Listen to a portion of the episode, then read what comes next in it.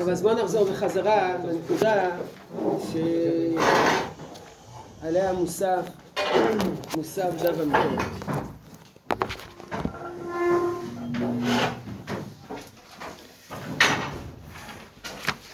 ישנה רשימה ארוכה של חוטאים ורשעים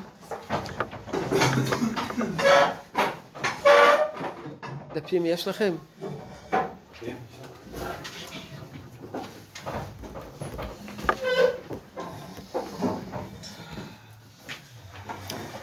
ישנה רשימה ארוכה של רשעים וחוטאים שלהם חז"ל אמרו מורידים ולא מעלים, חלקם אפילו מורידים,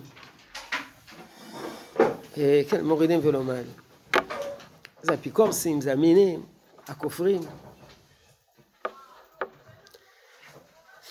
מכאן נשאלה השאלה, מה היחס לכל הכופרים וכל האפיקורסים של ימינו?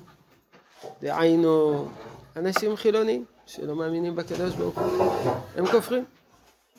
כפירה, כפשוטו.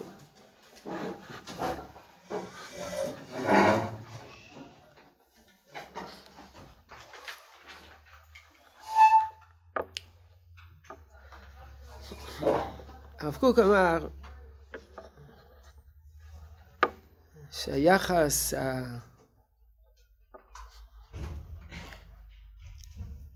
התקיף כלפי אנשים מן הסוג הזה, דהיינו שלא נוהגים בהם באחווה, זה בגלל שהם איבדו את, ה... את הסגולה האלוקית שבתוכם. הסימן שהם איבדו את הסגולה האלוקית זה היה בגלל שהם מינים ואפיקורסים. אבל אם בדור מן הדורות יהיו אנשים מינים ואפיקורסים שלא יאבדו את הסגולה, שלא איבדו את הסגולה, אז היחס כלפיהם הוא שונה לחלוטין. כלומר זה חידוש הלכתי רוחני. שכל מה שמופיע בחז"ל הרשימה הזאת, הסימנים האלו, זה לא הסיבה ליחס, אלא זה סימפטום. לא בגלל שמינים ואפיקורסים מורידים ולא מעלים, אלא בגלל שמי שמין ואפיקורס זה סימפטום שהוא איבד את הסגולה, ואם הוא איבד את הסגולה, אז אנחנו, הם לא חלק מכלל ישראל. הרמב"ם כותב בהקדמתו למשנה, אחרי שהוא מסביר מה זה 13 עיקרים, כותב הרמב"ם שאדם שלא מאמין ב-13 עיקרים, הוא לא חלק מעם ישראל, כך כותב הרמב"ם. מי שחוטא הוא חלק מעם ישראל. מי שלא, מי שלא, מי שלא מאמין באחד מ-13 עיקרים, אומר הרמב"ם, הוא לא חלק מעם ישראל, כך כותב הרמב"ם. הוא לא חלק מעם ישראל בגלל שהוא לא מאמין ב-13 עיקרים, או שברוב הדורות מי שלא מאמין ב-13 עיקרים זה הסימפטום, זה הסימן שהוא איבד את הסגולה האלוקית. כך אומר הרב קוק. ולכן אומר הרב קוק, ברוב הדורות, אז היה הסימן. בדורותינו, שכתוב שמה שמאפיין דור של עקבא דנמשיחא זה ביש מדבר ותו מדגר, כלומר שמה שיש בחוץ זה רע, מה שיש בפנים זה טוב. זאת אומרת שהחיצוניות והאמונות המוצהרות של האדם לא מעידות על הפנימיות. אז זה שונה לחלוטין. זו הייתה תפיסתו של הרב קוק. וראינו פעם שעברה את הדברים של האדמו"ר מגור, האמרי אמת, שהיה מופתע לחלוטין מכל הכיוון הרוחני הזה, ואמר שהוא לא יכול להבין את זה, לא יכול לקבל את זה, למרות שהוא היה מגדולי אדמו"רי החסידות, גדול אדמו"רי החסידות בימיו, לא יכול לקבל את כל הדברים האלו, אדם שהוא רשע הוא רשע ונגמר העניין. אם יחזור בתשובה, נושיט לו יד. אבל כל עוד שהוא דוגל בתפיסות כאלה, בשום פנים ואופן אי אפשר לקרב אותו, לקרב אותו. בסוף השיעור הזכרתי שהתפיסה היותר מקובלת כלפי אנשים שחוטאים בימינו, זה להתייחס אליהם כתינוקות שנשבו.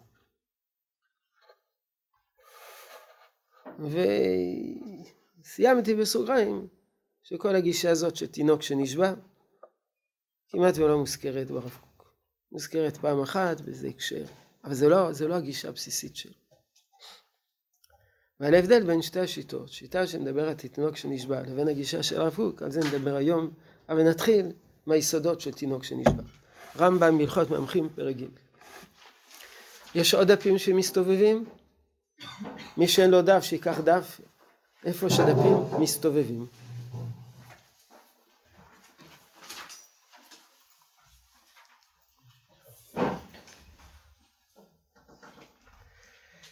מי שאינו מודה בתורה שבעל פה אינו זקן מאמרי אמור בתורה אלא הרי זה בכלל אפיקורסים ומיתתו בכל אדם מיתתו בכל אדם. פירושו של דבר מורידים ולא מעלים. מיתתו בכל אדם לא צריכים בית דין. מיתתו בכל אדם פירושו של דבר יש בדרך כלל יש בתורה ארבע מיתות בית דין. ארבע מיתות בית דין זה חייב ככה זה חייב סקילה זה חייב חנק זה חייב זה. מורידים ולא מעלים מיתתו בכל אדם. לא דווקא על ידי שלוחי בית דין. מאחר שנתפרסם שכופר בתורה שבעל פה, מורידים אותו ולא מעלין, ברור כי שאר כל אפיקורסים והאומרים אין תורה מן השמיים והמויסרים והמומרים, שכל אלו אינם בכלל ישראל, כמו שכותב הרמב"ם בסוף הקדמתו למשנה, או פרק חלק, סליחה, לא פרק חלק, פרק חלק. באמת דברים אמורים באיש שכפר בתורה שבעל פה, במחשבתו ובדברים שנראו לו, זאת אומרת מתוך מתוך אה, תפיסת עולם, השקפת עולם, מחשבתו, דברים שנראה לו, והלך אחר דעתו הקלה ואחר שרירות ליבו וכופר בתוכו שבעל פה, תחילה. תחילה הכוונה, הוא סולל את הדרך לכפירת תורה שבעל פה. כצדוק וביתוס וכן הטועים אחריו. אבל בני הטועים האלו, ובני בניהם, מי זה בני הטועים האלו? הקראים. הקראים כפרו בתורה שבעל פה. בני הטועים האלה. האלה זה הקראים. ובני בניהם, שהדיחו אותם אבותם, ונולדו בין הקראים וגדלו, גידלו אותם על דעתם. זאת אומרת, ילדים שגדלו בקהילה קראית, הראו כתינוק שנשבע ביניהם. וגידלו. מה זה תינוק שנשבע? פרק כלל גדול מסרת שבת, כתוב שיש, כשהגמרא שם דנה לגבי חיובי חטאת, מתי חייבים חטאת אחת? מתי חייבים חטאות הרבה? אז הגמרא אומרת שם שיש אדם שחייב חטאת אחת על כל התורה כולה. איך הוא יכול להיות חטאת אחת על כל התורה כולה? כי כל, כל התפיסת עולם שלו, כל השקפת עולם שלו, זה טעות אחת גדולה. מי זה? זה מי שגדל, תינוק שנשבע. ילד, כשהוא היה ילד קטן, שבו אותו בין הגויים, הוא לא ידע כלום, כלום, כלום, כלום מן התורה, תורה כולה. הוא לא ידע שום דבר. כיוון שהוא לא ידע שום דבר, אז הכל זה חטאת אחת גדולה. הוא חייב חטאת אחת. זה המושג תינוק שנשבע בין הגויים, שנשבע ביניהם, ואינו זריז. זריז הכוונה זהיר, לאחוז בדרכי המצוות, שראו הוא אנוס. אומר הרמב"ם הוא אנוס. תינוק שנשבע הוא אנוס. ובני הכרים האלה הם אנוסים. הם גדלו שם, מה אתה רוצה? כך חינכו אותם אבותם, אה, וזו תפיסתם, אף על פי ששמע אחר כך שהוא יהודי וראה יהודים ודתם, והוא ודתם, טוב, אחר כך הוא פגש יהודים, זה לא, הוא לא נשאר אה, בג'ונגל עוד אה, עד יום מותו, אחר כך הוא פגש יהודים, הוא אנוס, שהרי גידלו על טעותם. אתם מבינים עד כמה החינוך הוא משמעותי. גם אתם אנוסים. אתם אנוסים להיות דתיים, אבל זה שאלה אחרת. כך אלו שאמרנו, האורזים בדרכי אבותם, הקראים שטעו, לפיכך ראוי להחזיתם בתשובה ולמושכם בדברי שלום עד שיחזרו לאיתן התורה. טוב, זה הדברים המפורסמים של הרמב"ם, זה המושג של תינוק שנשבע. עכשיו הדברים האלו שכתב הרמב"ם לא היו מוסכמים על גדולי ישראל בכל הדורות. תסתכלו דוגמה לגבי הרדווז, מה שהרדווז אומר, הפרשן על הרמב"ם. נראה שכתב רבינו זה ללמד זכות על הכרים. אבל הנמצאים בזמננו זה, אם היה אפשר בידינו להורידם, היה מצווה להורידם. שבכל יום אנו מחזירים אותם למוטב. מנסים, מנסים לשכנע אותם. זה לא שהם לא יודעים כלום. הנה, אנחנו מסבירים להם. ומושכים אותם להעמיד בתורה שבעל פה, והם מחרפים, ומגדפים את בעלי הקבלה, בעלי הקבלה, בעלי תורה שבעל פה, ואין לדון את אלו בכלל הנושאים, אלא הם כופרים בתורה שבעל פה, וכבר הארכתי בתשובות, תשובת שאלה לעניינם, היו תקופות שהיו כמעט יותר קראים מאשר רבניים, רבניים זה אלה שהלכו לתורה שבעל פה, קראים שהלכו, היו אזורים שהיו יותר קראים, היה אפילו פולניה, בפולניה תקופה שהיו יותר קראים מאשר, מאשר רבניים. אז הרדב"ז, בניגוד לרמב"ם שאולי מדגיש שאדם שחונך בדרך מסוימת, אז הוא אנוס. למה? כי החינוך, אם הוא היה מוצלח, אז נכנס בו כל כך עמוק בעצמותיו, אז רק אתה לא יכול להוציא אותו משם. הרדב"ז לא סבר כך. למרות שהם גדלו והם התחנכו אצל קראים וקיבלו את כל, קיבלו חינוך קראי מילדותם, אנחנו מנסים לשכנע אותם, אנחנו מנסים לדבר איתם, אנחנו בכל יום מחזירים אותם למוטב, והם ממשיכים להתעקש. הם כופרים. אז יכול להיות שזה מחלוקת, לא רק הרדווז אומר, גם על דיבד הרמב"ם בימינו המצב היה שונה. יכול להיות שבאמת זה מחלוקת בין הרדווז לבין הרמב"ם, אבל מכל מקום, זה היסוד של תינוק שנשבע. כותב הבית יוסף, עניין הקראים. נראה לי דלה הרמב"ם.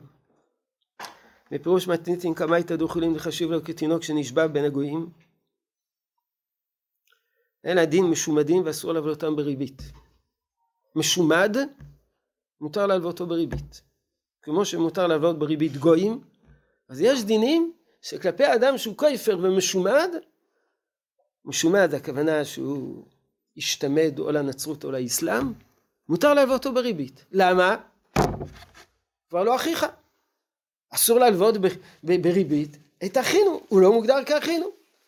אומר ליד יבד הרמב"ם, הקראים, אי אפשר לעבור אותם בריבית. למה? תינוקות שנשבו. ואף על פי, אגב, לפי מה שכתב בנימוקי יוסף, והוא דו לא יבין לה לדין תינוק שנשבע למי שלא הכיר בתורת ישראל מעולם. אבל מי שעומד בין ישראל והולך ומדבק בחוקותיהם של גויים מן המורדים הבו. מי שלא הכיר, כלומר אומר הבית יוסף דווקא מי שלא הכיר, אז לכאורה הקראים בימינו כן הכירו, בעצם אותו דיון של הרדווז, אפשר להנח נמי משומדים יש להם ומותר לעבור אותם הריבית. למרות שאני מוקיר יוסף, יכול להיות שלעקרים בימינו יש דין של משומדים, כי הרי הם, הוא מכיר בתורת ישראל. אומר לא שבקינן דברי הרמב"ם המפורשים בשביל דברי נימוקי יוסף. לקראים בימינו אין דין משומדים. שוב, זו השאלה, מי שגדל התחנר בדרך מסוימת, ואחר כך הכיר. אם אה, נדלג כמה עשרות דורות אצל חכמי ישראל, נגיד, נגיד, אה, מי שגדל בבית חילון. טוב. אז יש חלק ממי שגדלו בבית חילוני, לא, לא מכירים שום דבר מתורת ישראל, כלום, מכלום, מכלום, מכלום, מכלום. ויתרה מזאת, לא רק שהם לא מכירים, אלא עוד בבית ספר הצליחו לעקם להם את הראש לגמרי. נניח שיש אחד ש... ש, ש, ש גדל בבית חילוני, ואחר כך, לא יודע מה, איכשהו נחשף.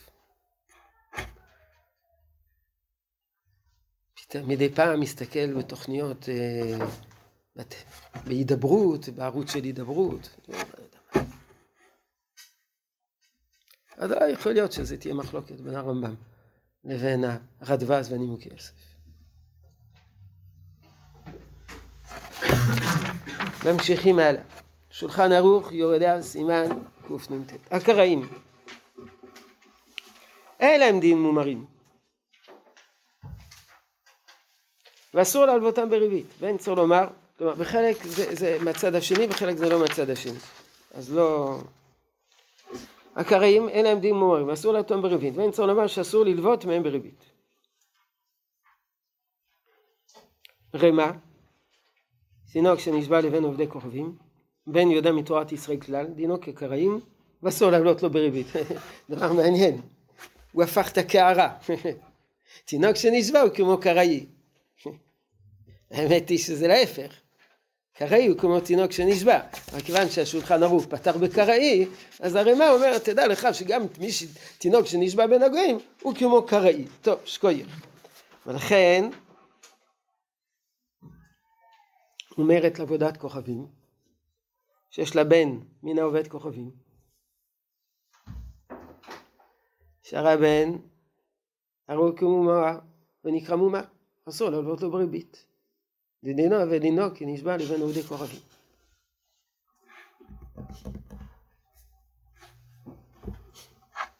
ארצות הברית, 50% נישואי תערובת, אישה יהודייה, התחתנה עם גוי, הילד הוא כמו תינוק שנשבע,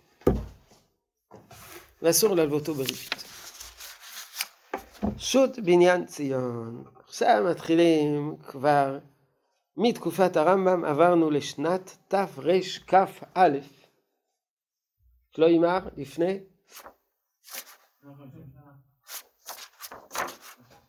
מאה שישים ושלוש שנה.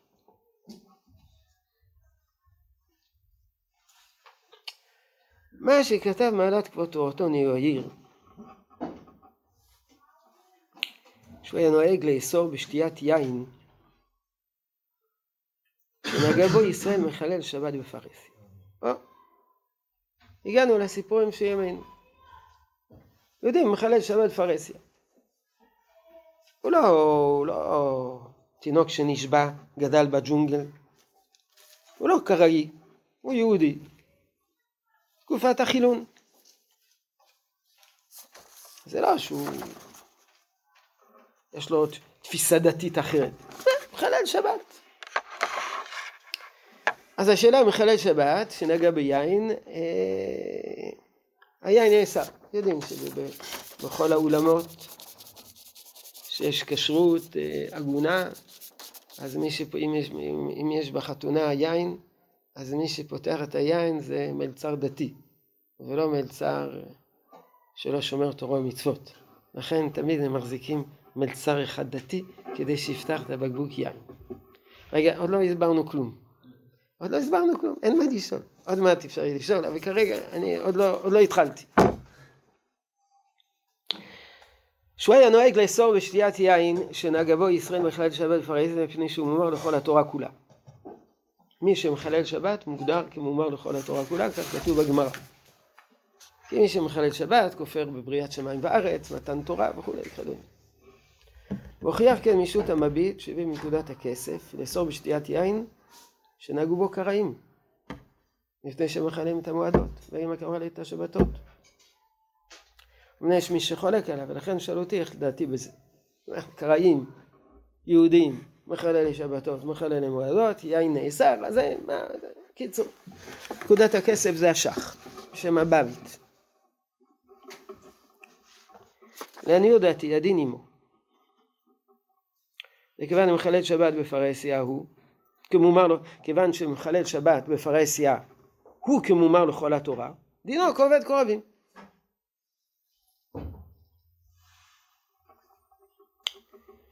והנה עד כה, ואז הוא מעריך מעריך להוכיח שבאמת מחלל שבת בפרהסיה הוא כמו גוי, ולכן היין שנגע בו נאסר בשתייה.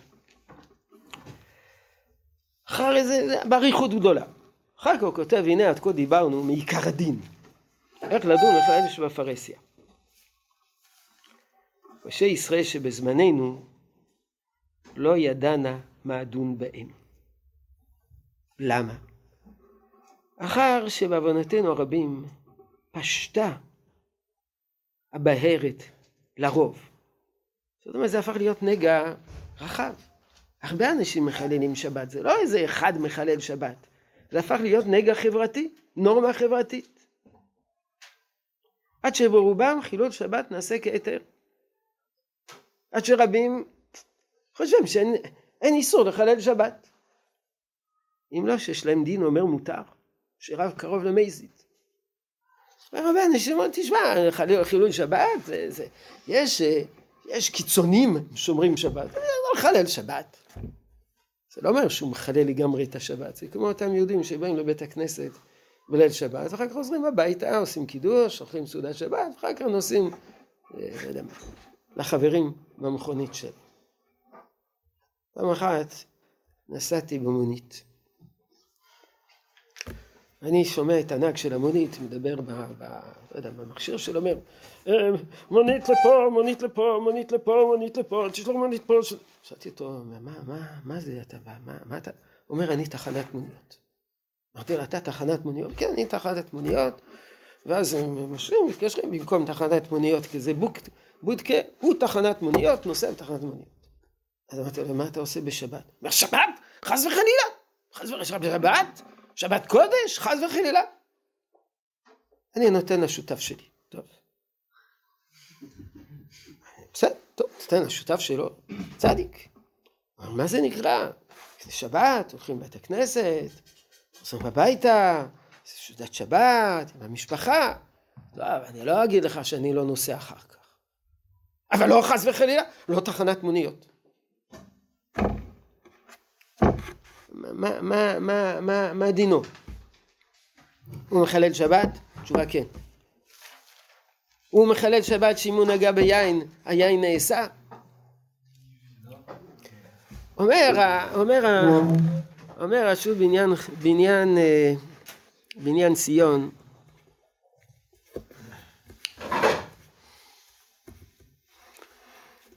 שבת נעשה להם כהתר. אם לא, שיש להם דין, אומר מותר. שרק הרוב למי זידו.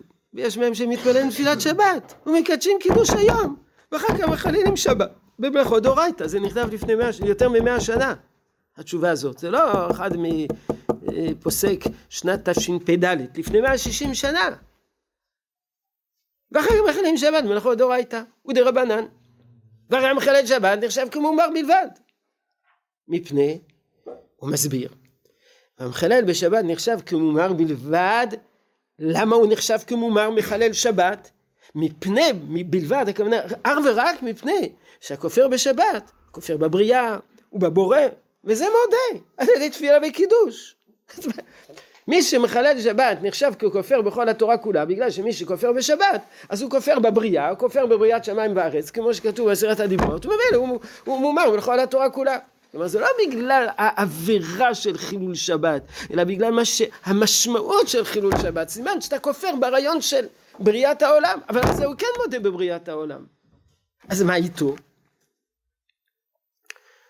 ומה גם בבניהם אשר קמו תחתיהם, אשר לא ידעו ולא שמעו דיני שבת שדומים ממש לצדוקים. צדוקים הכוונה קראים. צדוקים. דולו נחשבו כמומרים. אף על פי שהם מחללים שבת, מפני שמעשה אבותיהם בידיהם, והם כתינוק שנשבע לבין עובדי קרובים, כמבואר בסימן ש"פ וחנקת המבבית. אפשר נעמיד את שלא הרגולו בתור ישראל ולא ידעו לעיקר הדת ואינם מעיזים פניהם נגד חכמי הדור, לא חשיבי מזידים. והרבה מפושעי הדור דומים להם, ועדיף מפניהם. שמה שמחמיר הרש בקראים להחשיב ינם יין נסך, אינו מפני חילול מועדות שדומה לשבת בלבד, אלא מפני שכפרו גם בעיקרי הדין, שמלין ולא פורים, לא עושים פרייה, ואין להם דין גיטין וקידושים, שעל ידי זה הם בניהם ממזרים. ובזה רוב הפושעים שבזמננו לא פרצו, עדיין שומרים על ברית מילה ומקפידים על uh, גיטין וקידושין, ולכן ידיעו דעתי, המחמיר להחשיב נגיעת יין של הפושטים הללו סתם ינם תבוא לה ברכה. אכן גם למקלים יש להם על מה שיסמוכו, אם לא שמבורר לנו שיודע דיני שבת, ומעיז פניו לחללו בפני עשרה מישראל יחד, זה ודאי כמומר גמור, נהיית ינו אסור.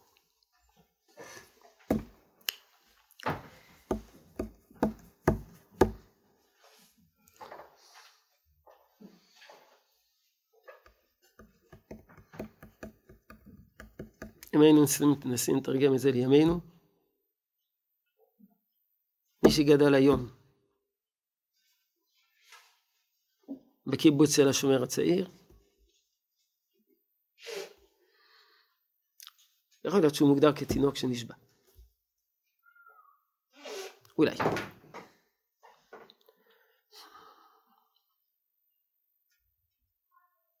והיין, וכשהוא נוגע ביין, זה לא, לא אוסר את היין. יודעים מעדות המזרח, כזה מסורתי, שומר שבת, נוסע עם הרכב שלו, כנ"ל. אבל דתל"ש משלנו,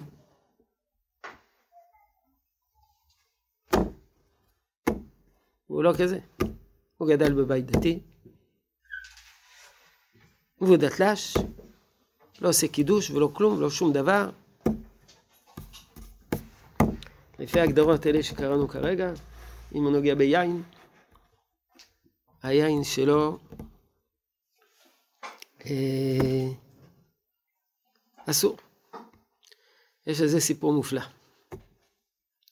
היה יהודי מיוחד מאוד מאוד מאוד בשם הרב מנחם פרומן, שהיה רב של תקוע. נפטר לפני כמה שנים, יחסית בגיל צעיר, יחסית. מחלה.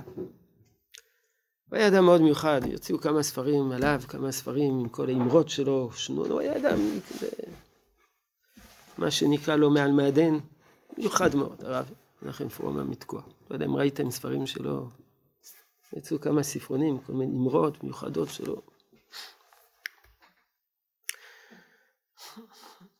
הוא היה אדם מאוד מאוד, אה, מאוד עקרוני, אבל לכל הכיוונים. אחד הבנים שלו נהיה דתל"ש. עוד קירב אותו וקירב אותו וקירב אותו וקירב אותו. אבל הבן שלו היה דתל"ש, נהיה דתל"ש. הבן שלו מספר שיום אחד הוא שם לב שאבא שלו לא שותה מן היין שהבן שלו נגע בו. וזה כל כך טלטל את הבן, שזה גרם לו לחזור בתשובה. הוא חזר בתשובה.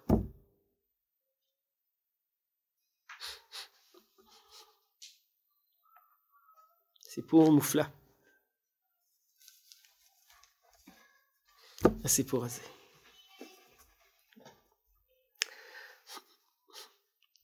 מי שביסס את כל התפיסת עולם כלפי החילונים בימינו כתינוקות שנשבו זה החזון איש. ועל פי זה זה מה שהתבסס, זה מה שנקרא, היווה את, את, את התפיסת עולם בכל הציבור החרדי. וזה שני, שלושה קטעים של החזון איש. חזון איש. ותינוק שנשבע בין העקום דינו כישראל ושרתו מותרת. הוא מסביר, מה זה תינוק שנשבע? שהוא בחזקת, זה אדם כזה, שהוא בחזקת, שאם יודיעוה יודיעו את מה? את תורת ישראל, את היהדות. והשתדלו עמו כשור ההשתדלות, שור היו לשוב. והשת... כשור ההשתדלות שור היו לשוב, לא יזיד לבלתי שב. זאת אומרת זה אחד שכל מה שחסר לו, חסר לו שלא השתדלנו איתו. הוא, הוא לא נחשף לתורה. ולו היה נחשף לתורה חשיפה כזאת שהוא ראוי לשוב, הוא היה שב.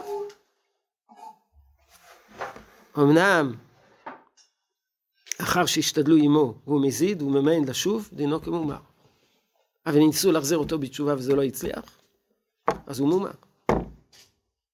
הוא לא תינוק שנשבע. תינוק שנשבע זה בעצם מי שחסר לו ידע. ואילו היה יודע, היה מקיים את התורה.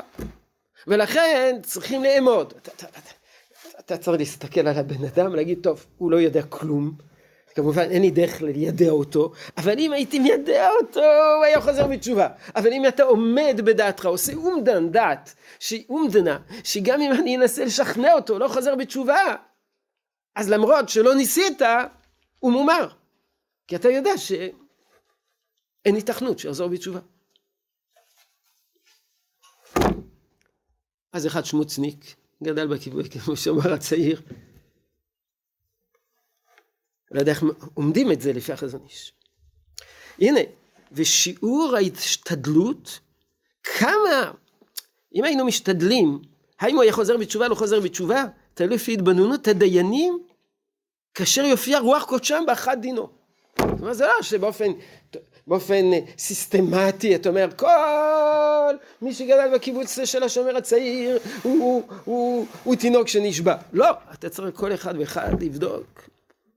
לפי הדיינים צריכים לבדוק, לפי רוח קודשם, האם היינו מנסים להחזיר אותו בתשובה, הוא חזר בתשובה, הוא לא חזר בתשובה.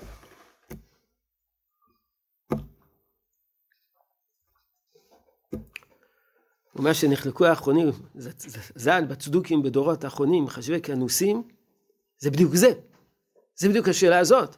היינו בהכרעת שיעור הידיעה שיודעים ממציאות ישראל ושאבותיהם פירשו מהם. ונותנים כשף שורר, סורר. האם זה אנשים כאלה ש, ש, שיודעים מספיק ובכל אופן לא חוזרים בתשובה, או שהם לא יודעים מספיק? ידייננה לו כשיעור ידיעה אם עכשיו מזיד או לא, והכתי אנוסים הם. ובאמת, צריך לדון כל איש ואיש בפרט, בלי הכללות. ברור שלפי החזון איש, דתל"ש הוא לא תינוק שנשבע. כן. אפשר להגיד שדתל"ש הוא גם כן תינוק שנשבע. כי? כי אם היו אומרים את הדרך הנכונה, אז הוא כן היה נשאר דתל"ש. זה, זה, זה, מה זה, דרך הנכונה. לא זה דרך הנכונה. אומרים, אמרו לו. לא, הוא למד, הוא למד בישיבה תיכונית טובה. כן, בוודאי שהוא למד בישיבה תיכונית טובה, איך אתה רוצה להגיד שישיבה תיכונית שלא טובה? כל הישיבות תיכוניות טובות. אז מה, מה... לא מכיר שום ישיבה, אל תוציא לרז על ישיבות תיכוניות. אני אומר, יש כאלה שבאמת... הנסיבות של החיים גרמו להם. מה נסיבות החיים? מה זה נסיבות החיים? איזה נסיבות החיים? איזה נסיבות חיים יש? מישהו שאל אותו שאלה, איזה חילוני שאל אותו שאלה, ופתאום, הוא לא יודע לענות, זה נסיבות חיים בשביל זה, זה לא, זה לא מתחיל. זה לא מתחיל, זה לא מתחיל, לכאורה. יש בין תלמידי החזון איש כאלה שרצו להגיד שגם לפי החזון איש בימינו חלקם תינוקות שנשבע ולא מבואר למה, לפי החזון איש. כן. כן. אבל אה, יכל גם לקרות בדיוק ההפך, שהוא היה רואה שאבא שלו לא נוגע, והיה כל כך מזדעזע לכיוון השני, ופורש לגמרי. נכון. אז, אז מה אתה רוצה לשאול? שהרב נתן את זה בתור... לא, הבאתי את זה בתור דוגמה, בתור אדם שנאמן להלכה, ולפי ההלכה הוא חשב שהבן שלו הוא מומר, כי הוא גדל בבית של רב, מאוד מאוד דומיננטי מבחינה רוחנית, והבן שלו פרש, אז הוא לא תינוק שנשבע. זה הכל. הלכה, זה הלכה. לכן אמרתי, האדם הזה, הרב נחם פור, היה אדם מאוד מאוד מיוחד, מאוד מאוד פתוח, אבל הלכה זה הלכה. וזה מה שהוא עשה. אני הבאתי את הסיפור לא בגלל הסיפה, אלא בגלל הרישה. שהרישה זה נאמנות להלכה. לא מטייחים ו... ו, ו, ו האם זה פשוט? זה לא פשוט. כמובן, אבא שלו הסתיר את זה. רק פתאום, יום אחד נפל לו האסימון, שזה מה שקורה בבית. זה לא שהבעיה, אבא שלו אמר, תשמע, אם תיגע ביין, לא אשתה מן היין. לא, הוא הסתיר את זה. אבל פתאום הוא שם לב. הוא שם לב. מה? הסיפה זה כבר לא הלכה, הסיפה שהוא חזר בתשובה זה... הוא שואל על היין. לא, לא הבנתי. לא, זה לא, בעיקר זה למזוג את היין. יש בזה דעות שונות, לא ניכנס עכשיו לבית ההלכתי. יש בזה דעות שונות, יש כאלה שמקילים, יש הבדל אם זה יין מבושל או יין לא מבושל, רוב היינות המבושלים, היינות הפשוטים, היינות היותר יוקרתיים הם לא מבושלים ואז יש להם בעיה. היינות שהם מבושלים הם, אין, אין בהם בעיה, חלק גדול. יש שאלה לגבי מיץ ענבים, כל מיני שאלות משאלות שונות, דעות שונות, אבל קיין, החזון איש מצד אחד כותב אה, שהוא בחזקת שהם יודו וישתדלו וכולי, ומצד שני הוא כותב אחר כך, אמנם אחר שישתדלו עמו, אז כאילו... מה? לא, זה שני משפטים. אז מה זה קשור? אני שואל, האם צריך את אותו דתל"ש אה, לעשות... אין מה לעשות לגבי הדתל"ש הזה, הדתל"ש הזה גדל בבית דתי. אז מה יש מה? כבר השתדלו איתו 18 שנה. מדובר באדם שגדל בבית חילוני, גדל בשומר הצעיר, אז צריכים לשער כמה להשתדל איתו. הוא הבחור הדתי, לפי החזון איש, מה- מה- מה יש- לדבר? הוא לא תינוק שנשבע. הוא תינוק שגדל בבית דתי, הוא לא, נגע, לא גדל בג'ונגל ולא גדל בבית חילוני, הוא גדל בבית דתי, הוא, הוא לא יכול להיכנס בשום משבצת של תינוק שנשבע. כן. אפשר אולי גם להגיד שהוא, לא יודע, שהוא נפגש עם כל מיני אנשים שגרמו לו לחשוב אחרת, שהוא נחשף לתכנים באינטרנט, אפשר להגיד, נשבע בידי זה. אפיקוירס גמור. איך אפיקוירס נהיה אפיקוירס? פתאום קיבל נבואת אפיקורסות? נהיה אפיקוירס. איך הוא נהיה אפיקוירס? קרא ספרי מינים, ספרי אפיקורסים, תגיד, קרא ספרי מינים, ספרי אפיקורסים, נהיה אפיקוירס, כי בגלל שהוא אנוס, מי אנס אותו? אחד שגדל בבית חילוני, הוא לא פגש את היהדות, זה כל הרעיון, הוא לא פגש את היהדות. מה אתה רוצה מהחיים שלו? הוא לא פגש את היהדות, לא פגש כלום. כן. אבל אם היהדות שהוא פגש זה יהדות לא טובה. איך אתה יכול ל- להעיל, להעל- לה- להעליל על ה- על היהדות הזאת שהוא גדל בה שהיא לא טובה? עובדה. ומה זה עובדה? הרבה- מה זה עובדה? מה עובדה שמה? יש הרבה אה, משפחות שבהם השמירת ההלכה היא לאו דווקא הכי מדהימה, דווקא... זה עוד לא נחשב אונס, אבל זה לא נחשב מה. אונס. אתה יודע מה זה אונס? אונס שמים אקדח על הרקה. אחד אומר, תשמע, למה גנבת? הייתי זקוק לכסף. כל אחד יש לו אילוצים בחיים. הייתי זקוק לכסף.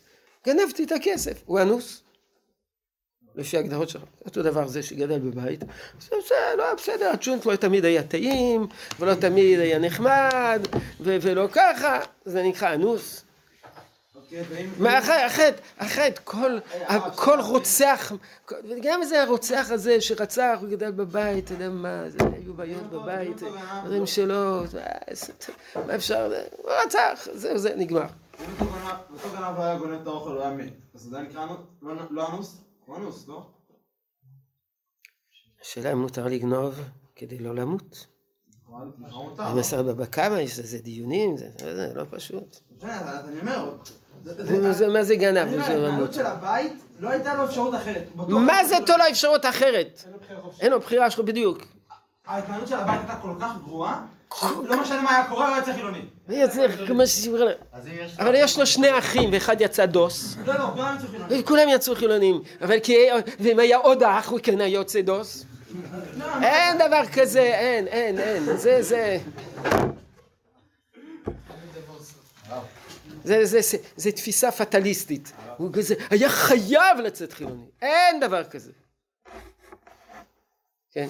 אין שיקול כאילו שאני ב- בא לחיוני ואני רואה אותו ממש שאני מנדה אותו של... מה, מה, מה, מה, מה, מה? יש, מנגד אחד יש את השיקול של... אה, נגיד ואנחנו אומרים שכל החילונים הם מומרים. כן. אז אין לי שיקול נגד של, אה, דין בן אדם לחברו, שאני בא לחיוני ואומר אני... מה זה, לא זה בן אדם חברו? אז, אז, אז, מה אתה שואל, מה זה, כלפי מה חלק הדברים? מהעם, אז אני כאילו... ולכן, ולכן, ולכן, ולכן, ולכן, ולכן כאשר אני בא ואומר אני לא רוצה אותך, תעוף מפה. בינתיים לא אמרנו שאני לא אומר, "אני- תעוף מפה. אחר כך עוד מעט נדון אם אומרים תעוף מפה לא תעוף מפה. בינתיים רק אמרנו שלא שותים מן היין שלו. זה הכל. בסדר, זה גם... אני לא חייב לשתות מן היין של כל אחד. מה זה נקרא לשתות מן היין? אני לא שותה יין. מה הבעיה? מה זה לא שותה יין? מה זה שותה יין? זה יין שאתה מאוד- אוהב. כן, מאוד אוהב. אז אם תשתה אותו, מה קרה? מה יין שאתה מאוד אוהב? מה, מה? מאוד אוהב יין. לא ישתה יין. בינתיים כל מה שאמרנו, האם הוא מומר או לא. מה עכשיו יחסנו למומר? אם יאפשרו להמשיך, אז אני אמשיך, כן. אז אני אסביר מה, לפי החזון איש, מה היחס למומר, כן? מה היחס למומר? אז ממשיכים הלאה.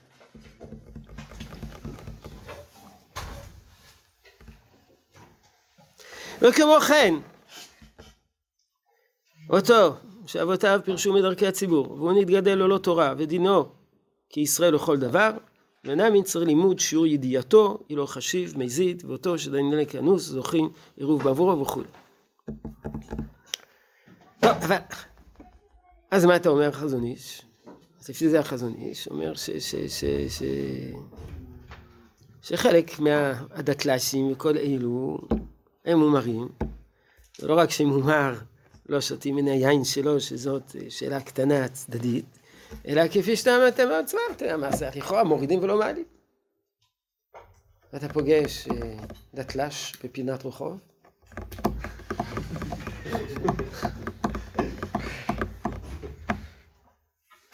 מה אומר חזון איש, ונראה. שאין דין מורידין, אלא בזמן שהשגחתו יתברך גלויה. הדין שמורידים ולא מעלים. זה דווקא כאשר ההשגחה של הקדוש ברוך הוא גלויה בעולם. כמו בזמן שהיו ניסים מצויים ומשמש בבת קול. וצדיקי הדור תחת השגחה פרטית הנראית לעין כל. והכופרים אז הוא בנליזות מיוחדת בהטעיית היצר לתאוות והפקרות.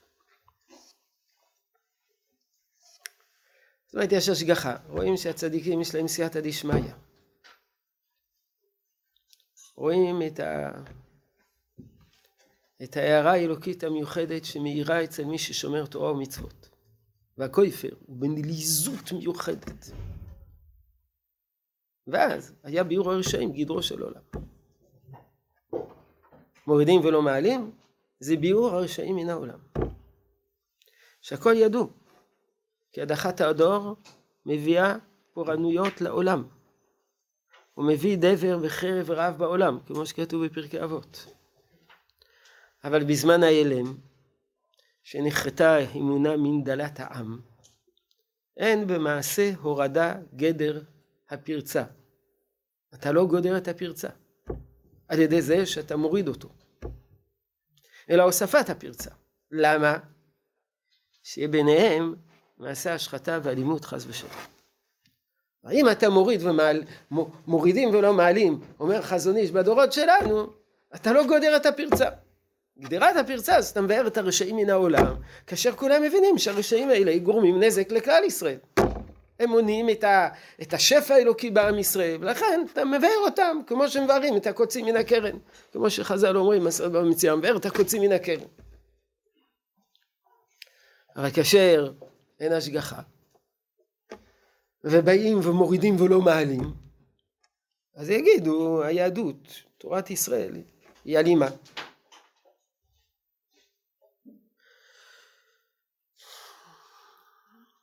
וכיוון שכל עצמנו לתקן, אין הדין נוהג בשעה שאין בו תיקון. ועלינו להחזירם בעבותות אהבה ולעמידם בקרן אורה במה שידינו מגעת. כלומר אומר החזון איש, בעצם אותם אנשים שהם מומרים בימינו, שהם מומרים, לא נכללים בכלל תינוקות שנשבו, תינוק שנשבע, בנוס. לא כולם מבחינת תינוקות שנשבע, חלקם מומרים, בכל אופן לא מורידים ולא מעלים. למה? אז אני שומר כי אין בזה תועלת. באדרבה, לא רק שאין בזה תועלת, זה גורם נזק. המטרה שלך זה... למה, למה מורידים ולא מעלים? למה לסלק אותם מן העולם? תשאיר אותם שיחיו לעצמם, מה, מה, מה זה אכפת לנו? תשובה, כי אנחנו רוצים לסלק את הקוצים מן הקרן, ועל ידי זה שאתה מסלק את הרשעים מן העולם, ירבה שפע, וכולם מבינים את זה. אבל אומר חזון איש אף אחד, רוב העם לא יבין את זה. יגידו שהתורה, התורה זה דעש. לכן לא.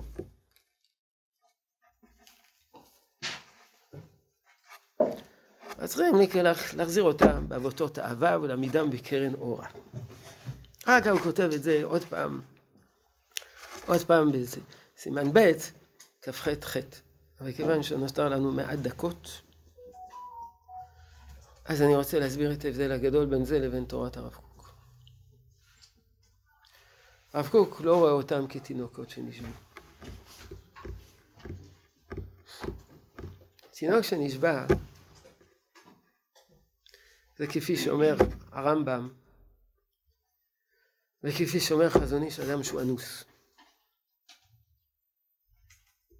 אנוס זה מה שנקרא בלשונו של החזון איש עגלה ריקה. יש עגלה ריקה מאונס ויש עגלה ריקה מרצון. המכנה המשותף לעגלה מריקה מאונס או עגלה מריקה מרצון, מהו? עגלה ריקה. תינוק שנשבע זה פטור. תינוק שנשבע זה לא מייחס מעלה. זה רק פטור. זה אומר שאין בהם, הם לא אשמים במצב שלהם, מה אפשר לעשות? רחמונס, רחמונס, אז נרחם עליהם, מרחמים עליהם. יש בהם משהו חיובי? כלום. אבל הם אנוסים. אחד גדל בג'ונגל ונהיה קניבל. אז הוא אנוס, אוכל בני אדם, כי הוא גדל אצל קניבלים. תגיד, אבל בחייני, אבל יש איזו בחינה פנימית בקניבליות, כלום, אין שום דבר. אלא מה? הוא אנוס. הוא עושה רע, כולו רע, רק רע. יש פה רק רע מכף רגל ועד ראש, אבל הוא אנוס על כל הרע הזה. זה תינוק שנשמע.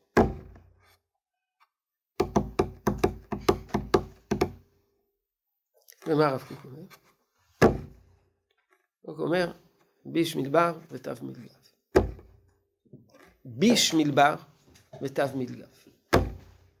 יש טוב, יש הרבה רע, ויש טוב. זוכרים את מאמר הדור?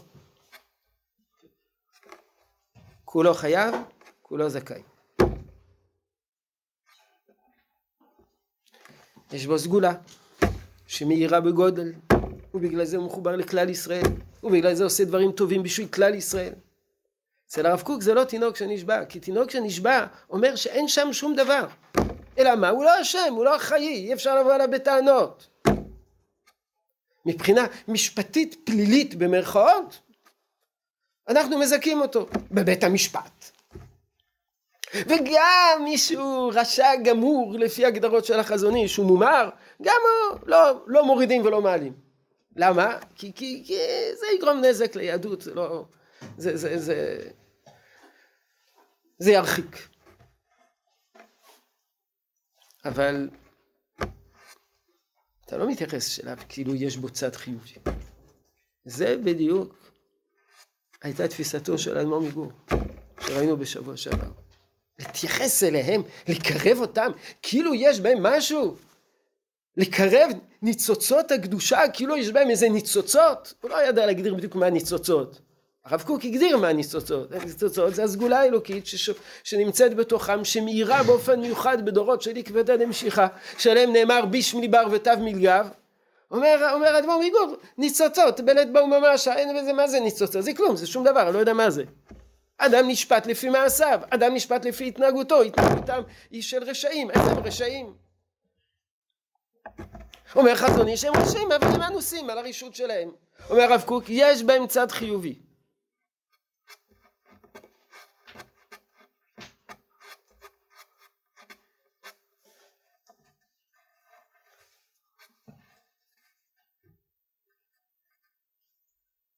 תסתכלו בקטע האחרון, שמונה קבצים.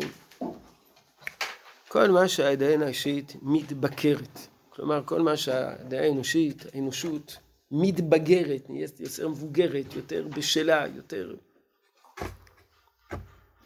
כך מאטת הכפירה המוחלטת בכוחה תשש. על כן ישנם הרבה.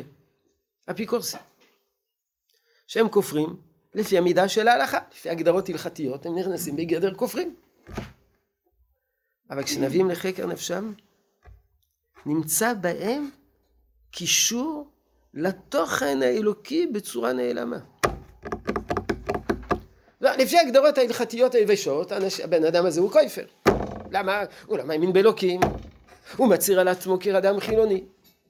אבל אומר הרב קוק, כשנבין בחקר נפשם, כלומר כשנחקור בנפש שלהם ונעמיק בנפש שלהם, הנמצא בהם קישון לתוכן אלוקים בצורה נעלמה, זאת אומרת להם איזה חיבור לאלוקים עלום, לא מסודר, לא מוגדר, לא מוצהר, לא מוגדר על פי הגדרות, נקרא לזה דתיות קלאסיות.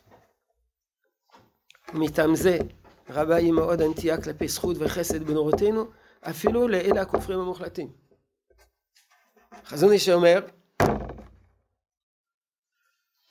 אם הוא גדל בבית חילוני, מה נעשה? אנוס. אומר הרב קוק, יש לו קישור לתוכן אלוקי בצורה נעלמה. יש מקומות, מקום אחד שהרב קוק גם מדבר על אונס, מקום אחד. הרב קוק אומר שאלה בימינו הם אנוסים,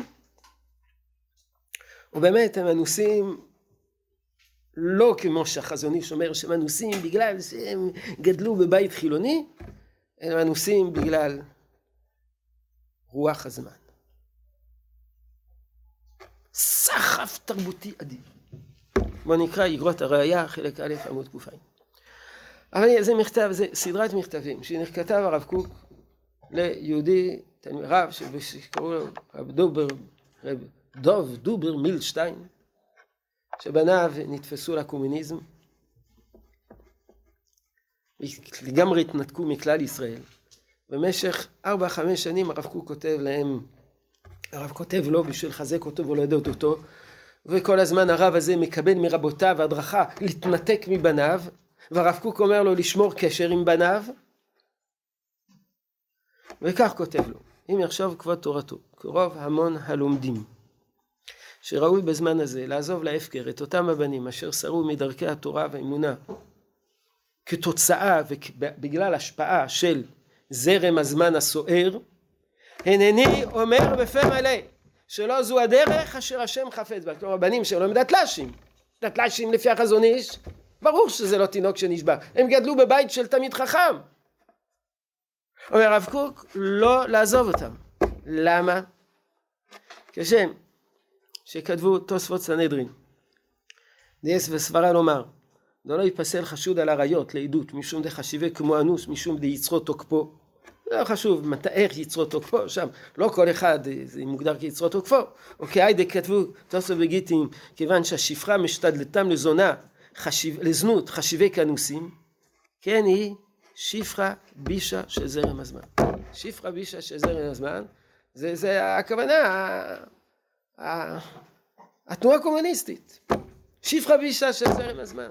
ההשכלה היא כמו מפתה, מפתה את בני ישראל להתפתות ולהשתלב ולאמץ את ההשקפות האלו שנתנו לה מן השמיים שליטה טרם שתכלה לגמרי ותנדוף כעשן. שפחה בישה של זרם הזמן.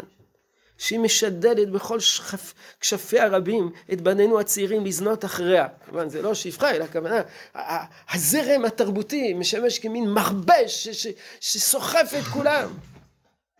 ראיתי פעם אחת, ואולי סיפרתי לכם, ראיתי פעם אחת תמונה של בתנועה בתקופת המהפכה הקומוניסטית, תנועה, תמונה של, של הפגנה, תמיכה בתנועה הקומוניסטית של של בני נוער יהודים. אתה מסתכל על זה, אלפים, אלפים, שתומכים בתנועה הקומוניסטית, יהודים, למען התנועה הקומוניסטית. לא ידעו מה יהיה גורלם בסוף, אחרי שסטלין משתלט, רצח חלק גדול. הנה כותב הרב קוק, הם אנוסים גמורים, וחלילה לנו לדון אונס כרצון. אבל זה לא כל תורת הרב. לא כל תורת הרב. החזון איש נעצר שם. גם החזון איש לא מדבר על, על, על שפרה בישה של, של, של זרם הזמן. הוא מדבר רק על מי שגדל בבית חילוני. הרב קוק אמר לא, הם אנוסים בגלל, בגלל זרם הזמן. השפעה תרבותית אדירה שלא עמדו בפניה. והרב קוק כותב יותר מזה. שהם ביש מדבר ותו מדגר. לפני כמה ימים מישהו שלח לי מאמר שכתב על הספר האחרון שכתבתי שנקרא דור תהפוכות, זה על היחס, מה היחס של הורים לילדים שלהם שהם דתל"שים, ספר קטן, ספר הדרכה ובירור וניתוח. אז גם הבאתי את התפיסה של החזון איש בשביל להראות אז משום מה הוא נתפס שם וכאילו מייחס לי כל הזמן שאני אומר שהם אנוסים, אז הוא כן אנוסים, לא אנוסים, כן אנוסים, לא אנוסים, ולא הבין שאני הבאתי את זה. אחר כך הסברתי שיש תפיסת הרב קוק, שהם לא רק שהם אנוסים, יש מעבר לזה. אבל משום מה, אז כל הזמן הוא בכל, הוא כתב איזה מאמר באנגלית שהוא כתב אה, חמישה עמודים, וכל הזמן נתפס, אנוסים, לא אנוסים, כן אנוסים, לא אנוסים, כן אנוסים, לא אנוסים. זה התפיסה החרדית. התפיסה שלנו, שיש בהן צד טוב, יש בהן צד חיובי. ודאי מי שנמצא בארץ ישראל, ודאי מי שנמצא בעזה, נלחם בשביל כלל ישראל. זה ביטויים של הסגולה. ודאי מי שנמצא בארץ ישראל. טוב, כמו שאומרים, בערך, זהו זה, בערך. זה נושא רחב, נושא עמוק, בכל אופן רציתי שנכיר אותו ונבין אותו.